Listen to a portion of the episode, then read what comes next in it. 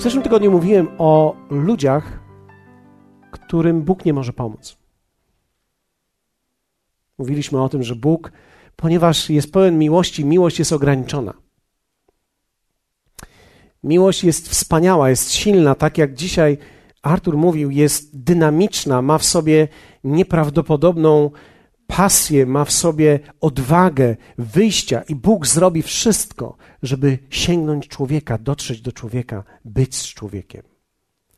I tak jak potężna jest miłość, tak niespotykanie ograniczona jest.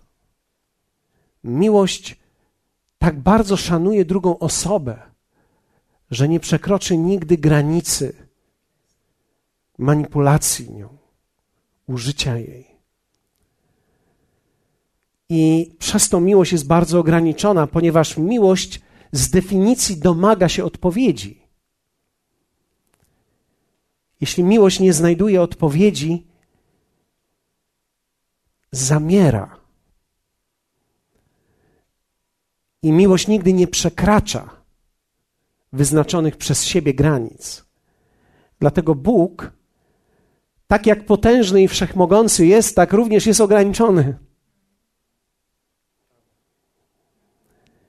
I czasami ludzie są zachwyceni potęgą Boga, ale nie rozumieją ograniczeń Bożych. I giną w swoim życiu, bo nie wiedzą, co Bóg może, a czego jednak nie może zrobić. Są ludzie, którzy mówią: Bóg może wszystko. No, nie tak bardzo. Gdyby Bóg mógł wszystko, nigdy nie byłoby piekła.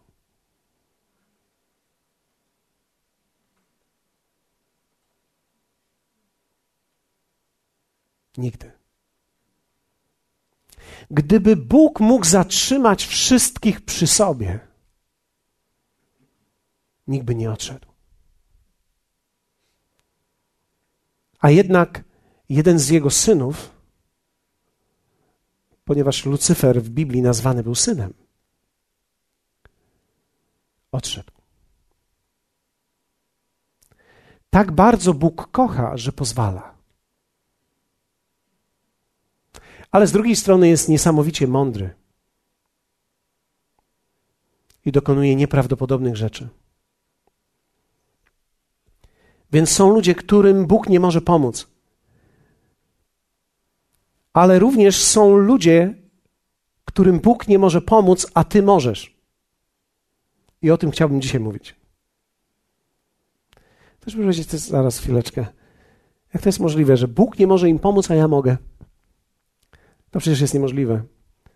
Przecież ja nie mam większej siły niż On, albo większej mądrości niż On. Nie, nie mówię o tym. To jest zupełnie inna kategoria ludzi. To jest kategoria, w którą wielu ludzi jest tak naprawdę umieszczonych. To jest kategoria ludzi, którym Bóg sam nie może pomóc, a ty możesz. Teraz, kiedy w tym tygodniu mieliśmy okazję być we Florencji i zwiedzać te wszystkie wspaniałe rzeczy, jedną z nich jest katedra Najświętszej Marii, która ma największą kopułę na świecie. Byliśmy zachwyceni, oglądając to wszystko, co się działo wewnątrz i na zewnątrz tej świątyni. Jest po prostu niesamowita. Przedstawiająca Boga w różnych Jego momentach i chwilach, i te wszystkie rzeczy, które się działy w słowie, również są gdzie niegdzie tam umieszczone. Wspaniała. Problem jest tylko taki, że nawet patrząc na nią, człowiek wpada w zachwyt, ale nie wie, jaki jest Bóg. Dlatego, że bez względu na to, jak bardzo chcemy Boga objawić, budynki nie są w stanie Boga objawić. Wiecie, to jest problem. Gdyby budynki, obrazy były w stanie Boga objawić, wystarczyłoby tylko, że byłby doskonały obraz i doskonały budynek, i wszyscy, którzy się tam udadzą, powiedzieliby: A, już teraz wiemy. Tymczasem budynki ani obrazy nie są w stanie Boga objawić, mogą przedstawić coś o nim, Ale największym obrazem jest człowiek. I najlepiej czytalnym i czytelnym obrazem. Czytanym i czytelnym obrazem jest człowiek. Dlatego walka w Twoim życiu. Wiecie, czasami nam się wydaje, że kiedy walczymy w życiu, kto z Was ma od czasu do czasu walkę? Mam walkę. W zasadzie nie od czasu do czasu. Odkąd narodziłem się na nowo, jestem w walce. Ja nie pamiętam dnia bez walki. Ja pamiętam dni, że czułem, że nie mam walki. To wcale nie oznaczało, że to był dzień bez walki. To była tylko walka, której ja nie widziałem, że ona dzieje się. Czasami dni, w których czujesz się najlepiej, to są dni, które są najtrudniejsze. Większość ludzi najwięcej błędów nie popełniła w chwili kryzysu, ale w chwili, gdy było dobrze. Więc ja nie pamiętam dnia bez walki, nie ma dnia bez walki, ale kiedy myślimy o walce i myślimy o naszym życiu, wydaje nam się, że to o nie właśnie chodzi, że diabeł jest przeciwko nam i że on chce uderzyć w nas, ponieważ o nas tu chodzi. No, nie do końca. O nas też, ale nie do końca. Diabeł walczy o Twoje życie przeciwko Twojemu życiu, bo nosisz w sobie obraz Boga. Jako nowonarodzone dziecko nosisz obraz Boga. I ten obraz Boga jest niszczony, kiedy ty jesteś dotknięty i kiedy ty upadasz. Więc tak naprawdę, kiedy ludzie odchodzą od Boga, kiedy idą na kompromis w swoim życiu, kiedy upadają w swoich grzechach, tu nie chodzi o to, że teraz ci ludzie tylko upadają, ale ci, którzy patrzą na nich, widzą zakrzywiony, zdeformowany obraz Boga, który ci ludzie noszą. Wiecie, większość z nas nawet nie zdaje sobie sprawy z tego, jak bardzo jesteśmy obserwowani przez środowisko, w którym żyjemy. W dniu, w którym się nawróciłeś i wróciłeś do domu i powiedziałeś, jestem nawróconym człowiekiem, od tego momentu jesteś na piedestale i teraz każde twoje słowo jest liczone, wszyscy się wsłuchują, co mówisz, jak wyglądasz, co robisz. Wszystko było dobrze. W momencie, kiedy się dowiadują, że jesteś nawróconym człowiekiem, jesteś nagle na piedestale i sprawdzają, jak wyglądasz. Dlaczego? Bo nosisz w sobie obraz. Więc tak naprawdę walka o nasze życie to jest walka o obraz, który nosimy. Walka o moje małżeństwo to nie jest walka, czy będę szczęśliwy, czy nie. Jest tak jak wczoraj rozmawialiśmy z Oliwią. Ponieważ zostało nam już tylko jedno dziecko, rozmawiamy z tym, które nam zostało. I rzeczywiście powiedziała takie słowa bardzo interesujące, bo powiedziała takie słowa: Kto z ludzi wie, co jest dla niego szczęściem? Zacząłem myśleć, mówię, rzeczywiście, kto jest tak mądry, kto jest w stanie powiedzieć: Ja wiem, co jest dla mnie dobre. Czasami się słyszy: Chodzi o to, żebyś był szczęśliwy. Co to znaczy? Kto z Was wie, co jest dla niego dobre? Bóg od razu nam powiedział, że my nie wiemy. On nas uczynił i powiedział nam, co jest dla nas dobre. Za każdym razem, kiedy człowiek wymyślił coś dla siebie, że jest dla niego dobre, to jest jego problem. Za każdym razem, jak pomyśleliśmy sobie, to wygląda nieźle. Ja bym tego skosztował, bo przecież chodzi o to, żebym był szczęśliwy. Koniec. W tym momencie skończyło się moje szczęście. W tym momencie skończyło się to, co było moim szczęściem, a nie potrafiłem tego rozpoznać, że to jest moje szczęście. Jedna z najgorszych rzeczy w życiu to jest obudzić się, że byłeś wokół czegoś wspaniałego i nagle to straciłeś. Mieliśmy dużo czasu ze sobą. Któregoś dnia leżałem obok mojej żony i zrobiłem jej zdjęcie. Ona patrzyła na mnie, ja patrzyłem na nią. Zdarza się nawet po 25 latach. I pomyślałem sobie, to jest cudowne. Boże, żebym nigdy, nigdy nie pomyślał, że może coś innego byłoby lepsze w moim życiu.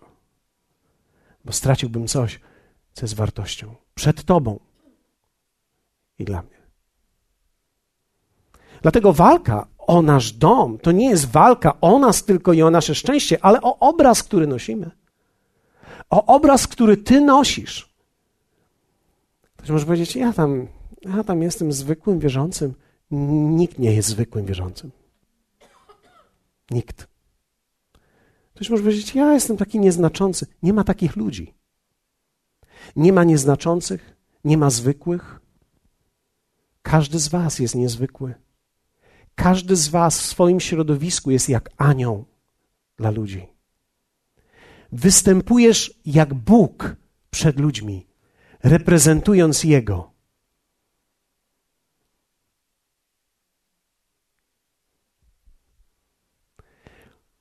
Zostałeś ubrany w Jego szaty, i teraz ludzie, patrząc na Ciebie, niczego innego nie widzą. To jak mówisz? To co oglądasz? O czym rozmawiasz? W każdym czasie, to jest niesamowite, Bóg miał ludzi, którzy nieśli obraz Boga ze Słowa Bożego. Patrząc na te wszystkie wspaniałe florenckie postacie, myślałem sobie, nawet w tamtych czasach byli ludzie, którzy nieśli prawdziwy obraz Słowa Bożego, bo tak naprawdę w życiu chodzi o obraz. O obraz, który ludzie noszą. Wiecie, że w XV i XVI wieku miałem okazję czytać rozprawki i artykuły ludzi, którzy w tamtym czasie nawracali się. W czasie, który był być może jednym z najtrudniejszych czasów. Ludzie ci poznawali Boga i gdy pisali, ja mógłbym dzisiaj zetrzeć ich nazwisko i podpisać to wszystko swoim, powiedzieć amen, amen, po trzykroć amen. Jak oni na to wpadli, nie wiem. Będąc otoczeni przez tak ciemny czas, tak ciemny i trudny moment, jednak nieśli w sobie i na sobie, w swoich ustach, w swoim życiu nieprawdopodobny obraz prawdziwego Boga. Dlatego, że Bóg nigdy nie był ograniczony do murów, denominacji. Bóg zawsze honorował tego, kto szanował Jego słowo i ktokolwiek je przyjął i objawiał je, żył nim jak anioł Boży pośród ludzi. Zatem tak naprawdę są ludzie, którym Bóg nie może pomóc, dlatego że mają wykrzywiony obraz Jego i potrzebują Ciebie. Nigdy się nie dowiedzą, jaki jest Bóg bez Ciebie. Nigdy. Są ludzie, którzy umrą bez Boga, jeśli Ty będziesz żył nieświadomym życiem myśląc, a jestem taki zwykły, ja nic takiego nie znaczę, chodzę tylko po prostu sobie do kościoła, jestem w służbie nawet jakiejś, ale, e, ale przecież no, jakoś się wszyscy dociągniemy do końca, bo jakoś tak to będzie. Nie, może to, mo, to jest Twoja filozofia, może to jest jakaś filozofia życia, ale to nie jest Boża filozofia życia o Tobie. Bóg, patrząc na Ciebie, widzi w Tobie jedyną szansę dla tych ludzi, dlatego że Ty jesteś dla nich jedynym obrazem. I Bóg zawsze potrzebował kogoś i potrzebował człowieka.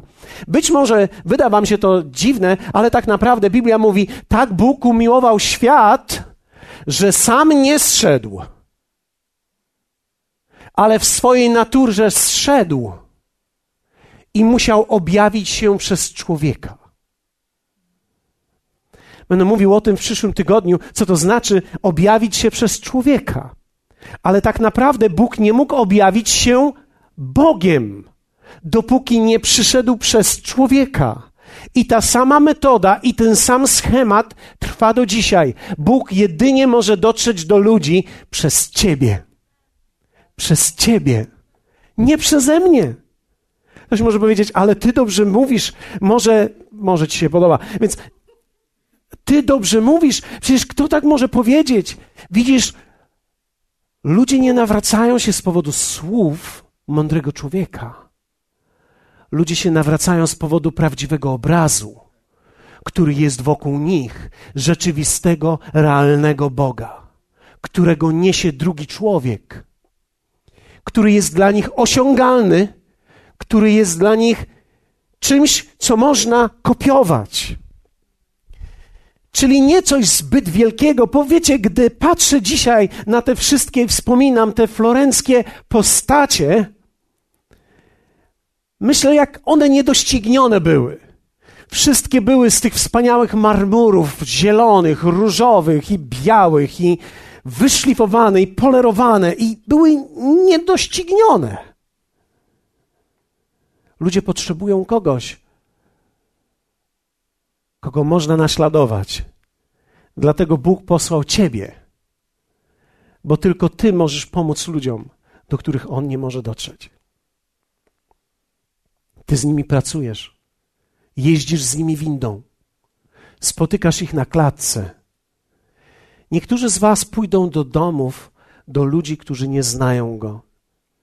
I ci ludzie nie wymagają głoszenia, wymagają obrazu obrazu. Powiedzmy razem obrazu. Ktoś może powiedzieć, no a zatem jednak chodzi o obrazy. Tak. Tylko o żywe. Jest mała różnica. Jak zatem ja mogę pomóc ludziom, którym Bóg nie może pomóc? Przez rodzaj życia, który prowadzę. I z tym, czy do nich wyjdę. Inaczej mówiąc, muszę mieć dwie rzeczy. Po pierwsze, muszę mieć pewien rodzaj życia, który za chwilę opiszę. Mam jeszcze 16 minut za chwilę. Opiszę ten rodzaj życia i muszę z tym rodzajem życia wyjść i zaprosić ich do mojego życia. Wiecie, ludzie to problem jest. Najlepiej jest być samemu. Jak wyjdziesz już gdzieś, to już jest problem. Zaangażowanie w coś to już jest problem.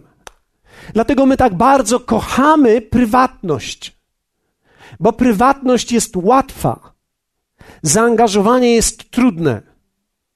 Pójść w publiczne miejsce to jest problem. Możesz usiąść obok kogoś, kogo byś nie chciał. Ktoś pachnie nie tak, jak ty preferujesz. Ktoś preferuje ciężkie zapachy, ty bardziej kwiatowe, sportowe. Ktoś może zagadnąć ciebie i nie miał miętusa. I rozmowa z nim kleiłaby się dalej, gdyby nie te problemy, które niesie w sobie człowiek. Kiedy zapraszasz gości, fajnie jest mieć gości, ale to jest problem. To jest problem nie tylko w finansach, ale to jest problem, gdy sobie już pójdą i ty stajesz przed zlewem z jednej i z drugiej strony otoczony.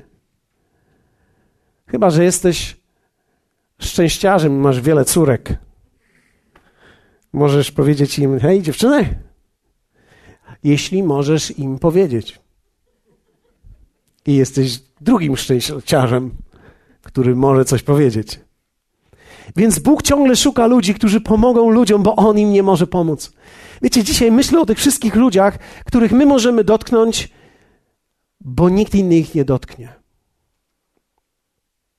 I są tacy ludzie. Apostoł Paweł w drugim liście do Koryntian, w czwartym rozdziale, wersety 1 do 7, powiedział coś niesłychanego. Prawdopodobnie tego od razu nie odczytacie, gdy zaczniemy to czytać, ale za chwilę, jak to rozszyfrujemy, jest nieprawdopodobny tekst. Słuchajcie. Apostoł Paweł mówi tak. Dlatego, mając tę służbę, która nam została poruczona z miłosierdzia, nie upadamy na duchu. Lecz wyrzekliśmy się tego, co ludzie wstydliwie ukrywają i nie postępujemy przebiegle, ani nie, fałszuje, nie fałszujemy Słowa Bożego, ale przez składanie dowodu prawdy polecamy siebie samych sumieniu wszystkich ludzi przed Bogiem. A jeśli nawet Ewangelia nasza jest zasłonięta, zasłonięta jest dla tych, którzy giną, w których Bóg świata tego zas, zaślepił umysły niewierzących, aby im nie świeciło światło Ewangelii o chwale Chrystusa, która jest obrazem Boga. Albowiem nie siebie samych głosimy, lecz Chrystusa Jezusa, że jest Panem, o sobie zaś, żeśmy sługami waszymi dla Jezusa. Bo Bóg, który rzekł, z ciemności niech światłość zaświeci, rozświecił serca nasze, aby zajaśniało poznanie chwały Bożej, która jest na obliczu Chrystusowym. Mamy zaś ten skarb w naczyniach glinianych, aby się okazało, że moc, która wszystko przewyższa, jest z Boga, a nie z nas. Niesłychany tekst. Gdy pierwszy raz go przeczytałem, pomyślałem sobie, ach, takie tam. Ale później zobaczyłem, że tu jest skarb. Zobaczcie. Apostoł Paweł mówi dokładnie tak, jak spojrzymy w grecki tekst. Dlatego mając tę służbę, dokładnie słowo służba to jest diakonia, czyli tu nie chodzi o jakąś wielką służbę, nie wiem jaką, ale po prostu służenie, która została nam dana, dała nam, została z miłosierdzia. Bóg się zlitował nad nami i dał nam. I to nie tylko dla nas, dla wszystkich, którzy jesteśmy częścią ciała. Dlatego mówi, nie upadamy. My mamy dodane, nie upadamy na duchu, ale dokładnie powinno być, nie upadamy w życiu. Wiecie, upadek, a upadek to mogą być dwie różne rzeczy. Kiedy mówimy upadek, czyli ktoś upada, on się podniesie. Biblia mówi o tym, że sprawiedliwy upada siedem razy, lecz Pan go podniesie. Ale upadek w tym znaczeniu oznacza nie poddajemy się, to oznacza, że niezależnie od tego, jak to wygląda, my dalej mówimy, jesteśmy za nim. Powiedzmy razem, niezależnie. Widzisz, niezależnie od tego, jak to wygląda, my nie upadamy. Nie upadamy, bo nie możemy. Nie możemy, bo nie chcemy. I wystarczy, że nie chcę, nie upadam. Niezależnie od tego, jak to wygląda. I teraz werset drugi objawia nam rzecz niesłychaną. Mówi tak. Lecz wyrzekliśmy się tego, co ludzie wstydliwie ukrywają i nie postępujemy przebiegle, ani nie fałszujemy Słowa Bożego, ale przez składanie dowodu prawdy polecamy siebie samych sumieniu wszystkich ludzi przed Bogiem. Te słowa dokładnie oznaczają tak. My mamy słowo użyte, wyrzekliśmy się, powinno być, lecz wypowiedzieliśmy i przedstawiliśmy, oddzielając się od tego, te wszystkie rzeczy, które są wstydliwe dla ludzi. Czyli nie ukrywamy niczego, co jest w naszym życiu. Jest tak, to jest tak. Jeszcze palę.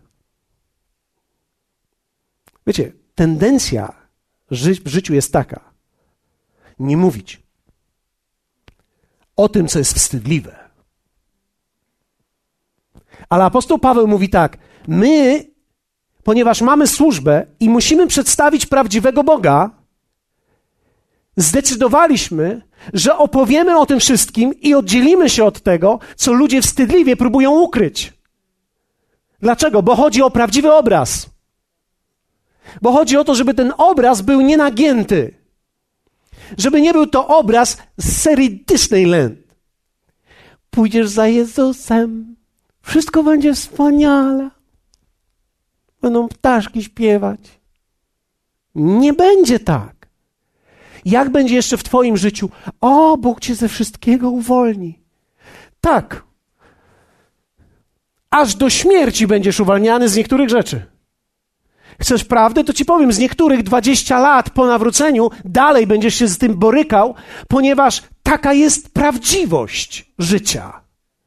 Co wcale nie podważa, że Boga nie ma, co wcale nie podważa, że Bóg nie istnieje. To wcale nie, nie oznacza, że ty go nie masz. To oznacza, że walczysz. To oznacza, że idziesz dalej. To oznacza, że ty, pomimo swoich słabości, nie ukrywasz ich ale opowiadasz prawdę o sobie, która jest również prawdą o Bogu, i to jest to, czego ludzie potrzebują. Dlatego apostoł Paweł mówi: Nie postępujemy przebiegle, ani nie fałszujemy Słowa Bożego. Inaczej mówiąc, nie przedstawiamy bajek, że tak powinno być i tak będzie, jak ty to, i tak by powinno być jeszcze to w twoim życiu, a jak już to zrobisz, to będzie to. Okej. Okay. Jeśli ktoś tak żyje w Disneylandzie, niech żyje, nie wybudzajmy go. Ale dla nas pozostałych, którzy żyjemy normalnym życiem i jemy chleb z kiełbasą albo y, ze szczawiem, w zależności od wieku, w którym jesteś i poznania, bo niektórzy jedzą szczypior, a szczaw i niektórzy lebiodę, a niektórzy jeszcze kiełbasę i niech każdy je to, co uważa za stosowne dla siebie. Ale dla nas wszystkich pozostałych, którzy oddychają normalnym powietrzem, potrzebujemy rzeczywistego obrazu. I apostoł Paweł mówi właśnie dlatego zostaliśmy powołani do służby i my wszyscy, którzy służymy, chcemy służyć właśnie tak, tak jak naprawdę jest. I dlatego przez to nie fałszujemy Słowa Bożego. Ale dalej mówi, ale przez składanie dowodu prawdy, i to, to jest dokładnie to słowo użyte, ale przez otwieranie księgi, tak aby ludzie mogli to przeczytać. mówimy: Tu nas uwolnił, tu już jest, jesteśmy inni, to już się w nas zmieniło, a to w dalszym ciągu nie. Z tym i nad tym pracuję. To jest moją słabością i nie wiem, czy kiedykolwiek z tego wyjdę. A tutaj mam jeszcze taką słabość. To jest taka słabość, że gdyby nie moja żona, która jest przy mnie, nie dałbym sobie rady z tym. Ale ponieważ Bóg dał mi człowieka, który jest częścią Jego, On sam przez nią pomógł mi w tym. I to jest prawdziwe. I jeszcze jestem słaby, jeszcze w tym. Ale wiecie co? Bóg dał mi drugiego człowieka, nie moją żonę, który mówi i staje obok mnie i mówi: To jest tobie słabe, ale nie przejmuj się, ja się o to zatroszczę.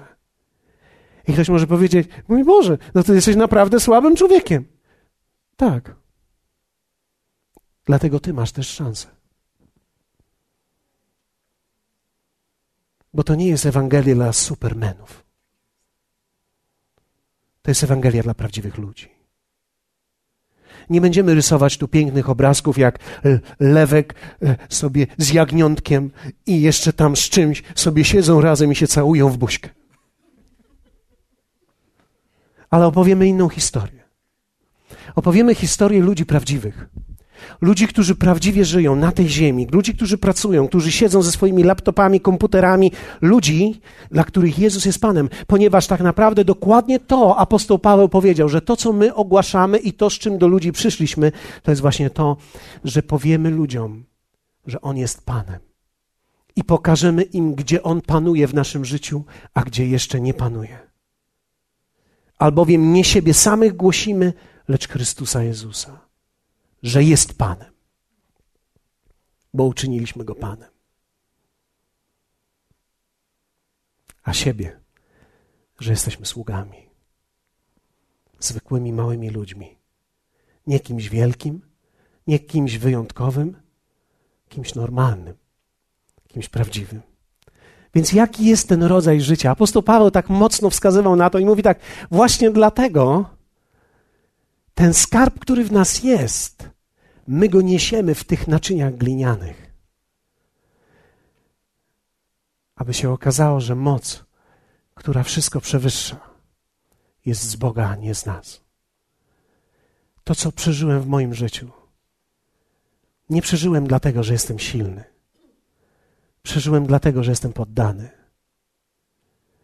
Prawdziwa siła chrześcijańskiego życia nie leży w sile, ale w poddaniu. Wszystko, cokolwiek poddasz Jemu i zaufasz, będzie żyło.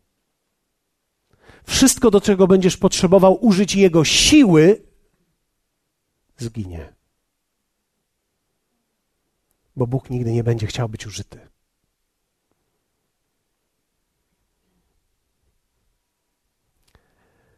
On nigdy nie będzie użyty. I to jest problem. Religie próbują wykręcić mu rączkę, mówiąc: Ja będę robił to, a ty zrobisz dla mnie to? To ja jeszcze dołożę to. Czy jest coś, co mogę zrobić? Mhm. Oddaj mi to. Największa rzecz.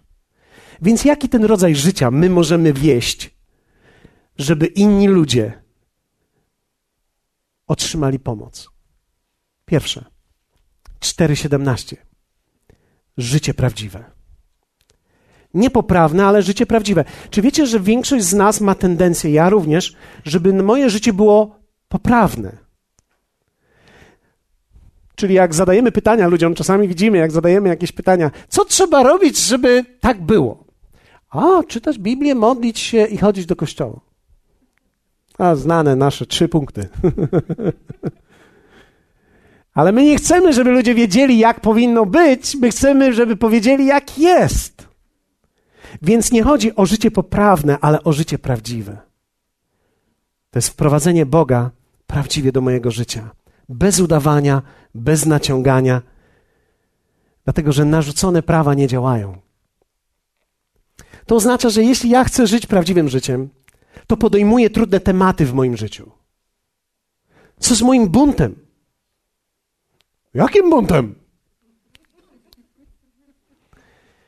Proszę cię, usłysz się tylko i to wystarczy. Chcesz mi powiedzieć, że mam but?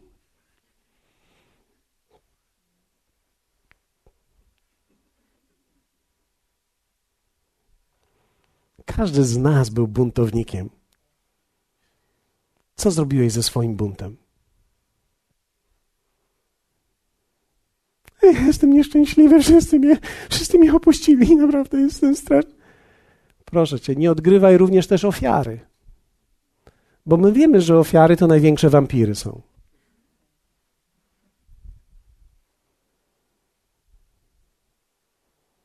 To też nie zadziała. A więc nie wyciągaj piersi mówiąc, co? No bo ja nic nie chcę. Ani nie mów, wszystko źle. Wszystko też nie jest źle. Żyj prawdziwie. Stań w prawdzie ze sobą.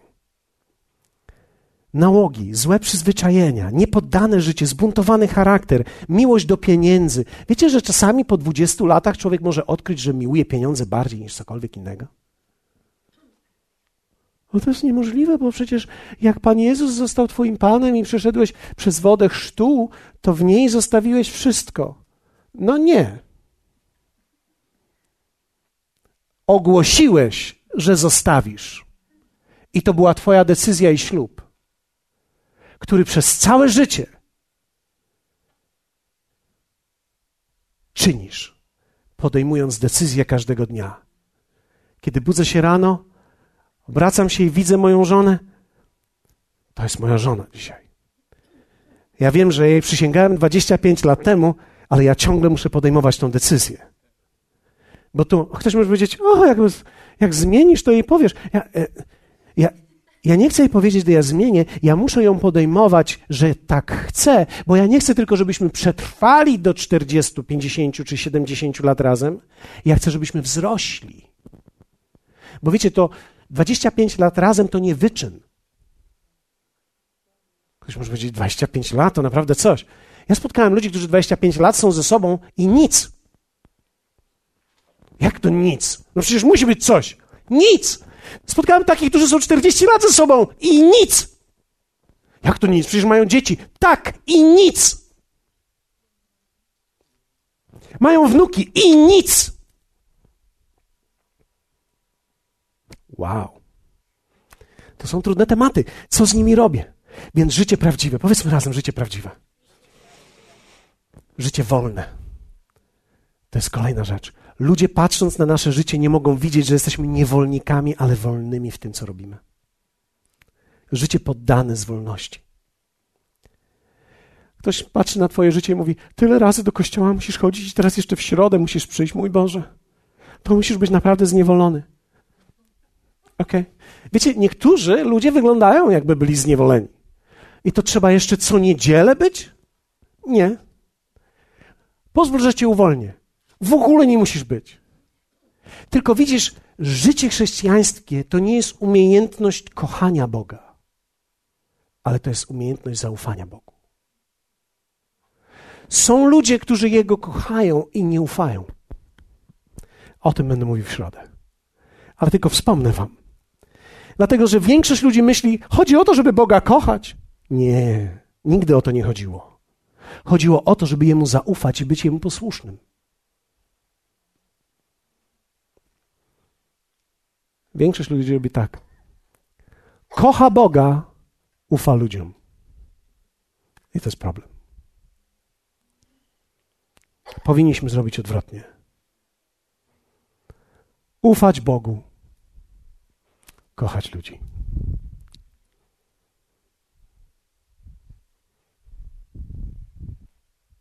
Życie wolne, wolne, służę w wolności, daję w wolności. Jestem częścią żywego kościoła, bo to jest symbol i znak mojej wolności. Wolny człowiek to nie ten, który demonstruje to, czego nie musi, ale to jest ten, który z łagodnością robi to, co trzeba. Muszę mieć naczynia? Muszę. Można myć w niewoli naczynia i można wiedzieć, że trzeba je zmyć. I oto ja i nikogo wokół. Jestem wolny, żeby je zmyć. I znowu ja pojawia się argument. Tak, bo tylko człowiek dany jest jedynym, który liczy sobie zasługi. Ostatnie, życie w pasji. To jest to, czego ludzie potrzebują. To jest ludzi prawdziwych, ludzi wolnych i ludzi, którzy mają pasję. Ja nie wyobrażam sobie chrześcijaństwa bez pasji. Powiedziałem do mojej żony, wiesz, być może w życiu niewiele osiągniemy, ale na pewno nie będziemy się nudzili.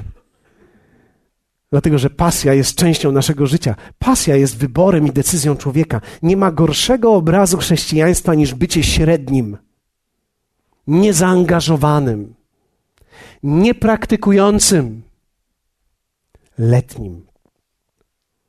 Tacy ludzie niczego nie zmieniają. Bóg nie może się utożsamić z obrazem takiego życia. Więc demonstrujemy pasję, bo pasja jest realna w życiu, kiedy życie jest realne. To jest w chodzeniu, nawet do kościoła, w służbie, pasja, w, nawet wiecie, kiedy mamy teraz kurs alfa, kiedy rozpoczynamy, pasja w tym, żeby przygotować komuś sałatkę, jedzenie, bo my przygotowujemy kolację, aby ludzie mogli usłyszeć o najwspanialszym imieniu Jezus. I można ciąć o góra dla Jezusa, będąc przy tym prawdziwym, wolnym, i w pasji.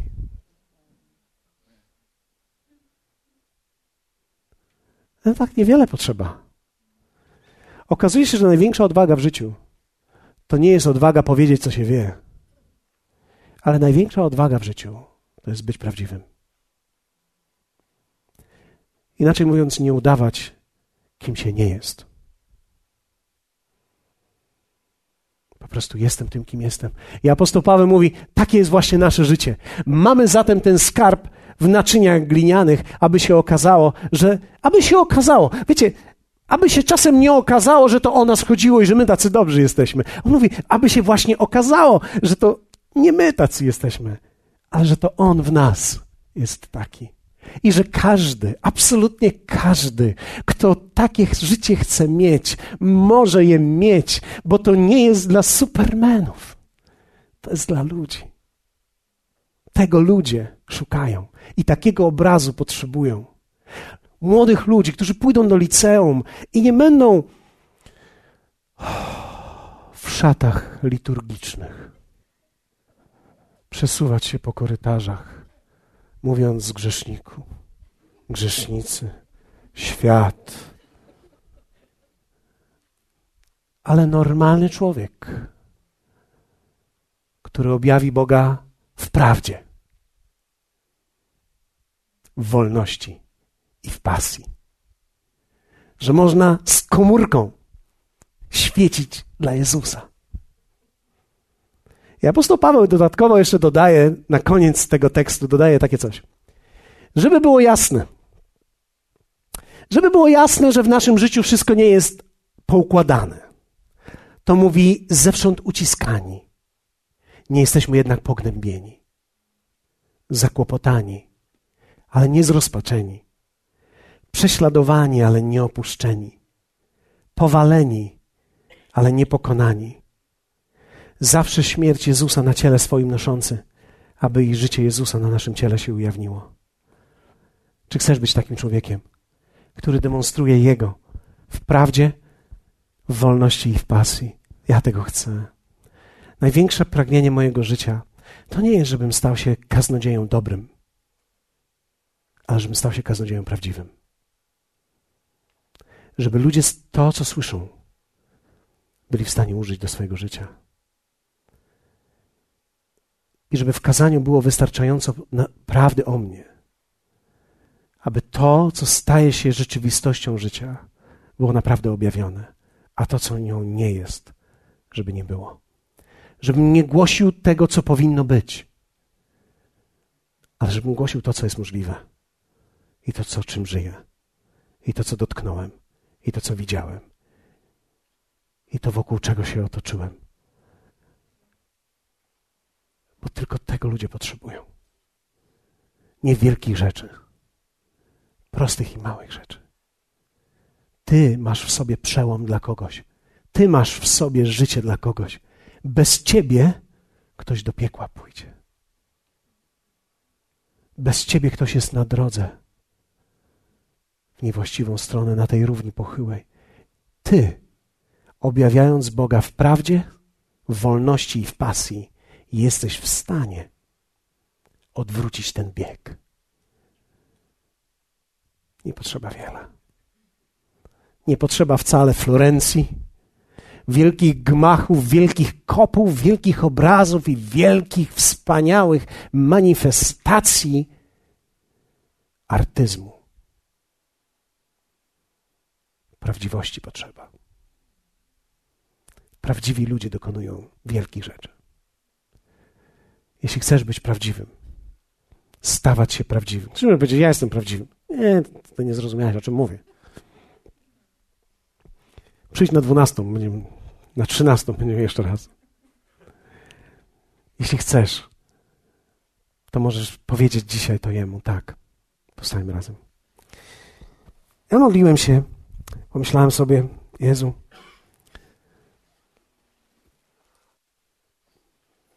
nie modliłem się o ludzi dzisiaj, modliłem się o siebie. Pozwól mi być takim człowiekiem. I pozwól mnie Pozwól mi pójść do ludzi. Daj mi sytuacje, okoliczności, w których mogę być. Wiecie, jestem w sytuacji trudniejszej niż większość z Was. Bo w momencie, kiedy z kimś rozmawiam i powiem mu, że jestem pastorem, już jest koniec. Wtedy natychmiast już jest, a do czego teraz on będzie chciał mnie przekonać? A ja jeszcze nic nie zacząłem. Więc tak długo, jak to jest możliwe, oszukuję ich więc kiedy ktoś mnie pyta, co robię, to no, piszę książki. Bo to też jest prawdą, więc staram się mówić niepełną prawdę. Czasami. Ktoś może powiedzieć, to kłamiesz? Hmm? Tak dla królestwa. Aby może przez chwilę go przeciągnąć Czasami siedzę obok kogoś w samolocie i ktoś mówi, co robisz? Ja mówię, jestem mówcą motywacyjnym. To znaczy, motywuję ludzi do.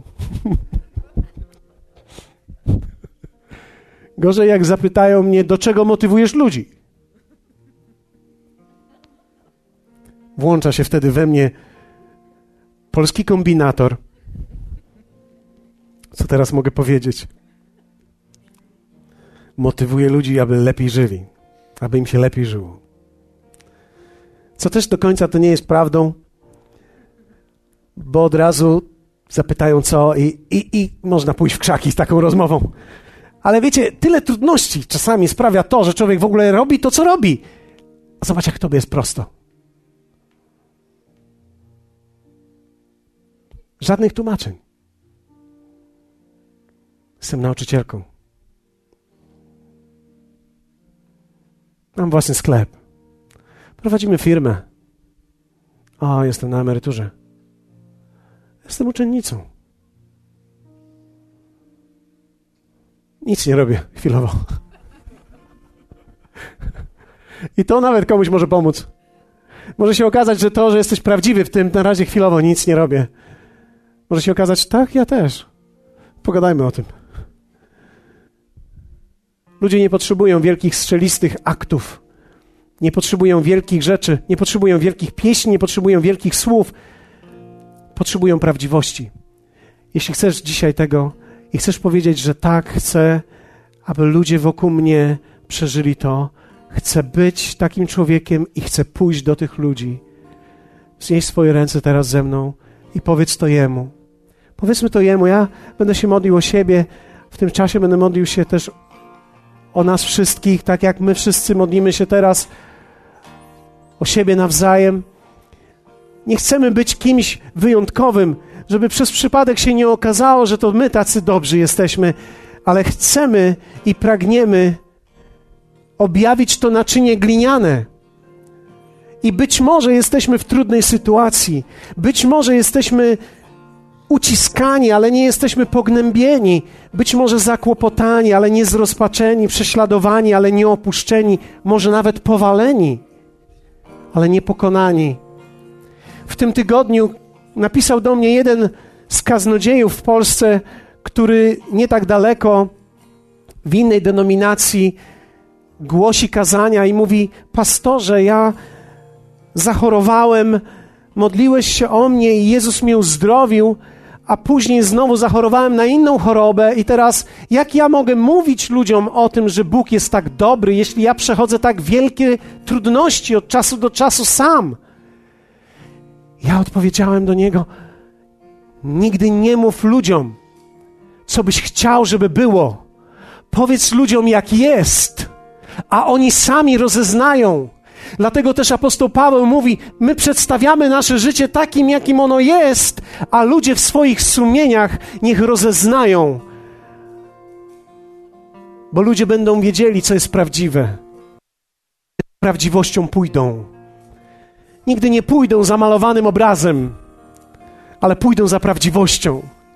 I ta prawdziwość jest Twoją siłą. Powiedz razem ze mną: prawdziwość jest moją siłą. Dzisiaj przyjmuję odwagę od Boga, aby żyć prawdziwym życiem. Nie muszę udawać, nie muszę grać, nie muszę nadrabiać, nie muszę wstydzić się niczego. Ale to nawet, czego ludzie się wstydzą, ja mówię o tym i mówię tak, jak jest. A przez to ci ludzie mają szansę, aby przyjść do prawdziwego Boga, którego żaden budynek nie jest w stanie objawić, którego żaden obraz nie jest w stanie objawić, ale człowiek prawdziwy tak. Dlatego dzisiaj przychodzimy jako ludzie, prawdziwi, zwyczajni ludzie i niezwyczajni tym samym. Hallelujah. Dziękujemy Ci, Jezus, za Twoją moc, którą dzisiaj mamy, którą nas wyposażasz. Przyjmujemy ją od Ciebie i podejmujemy to wyzwanie, aby żyć tym prawdziwym, wolnym życiem pełnym pasji dla Ciebie. W imieniu Jezusa powiemy wszyscy razem.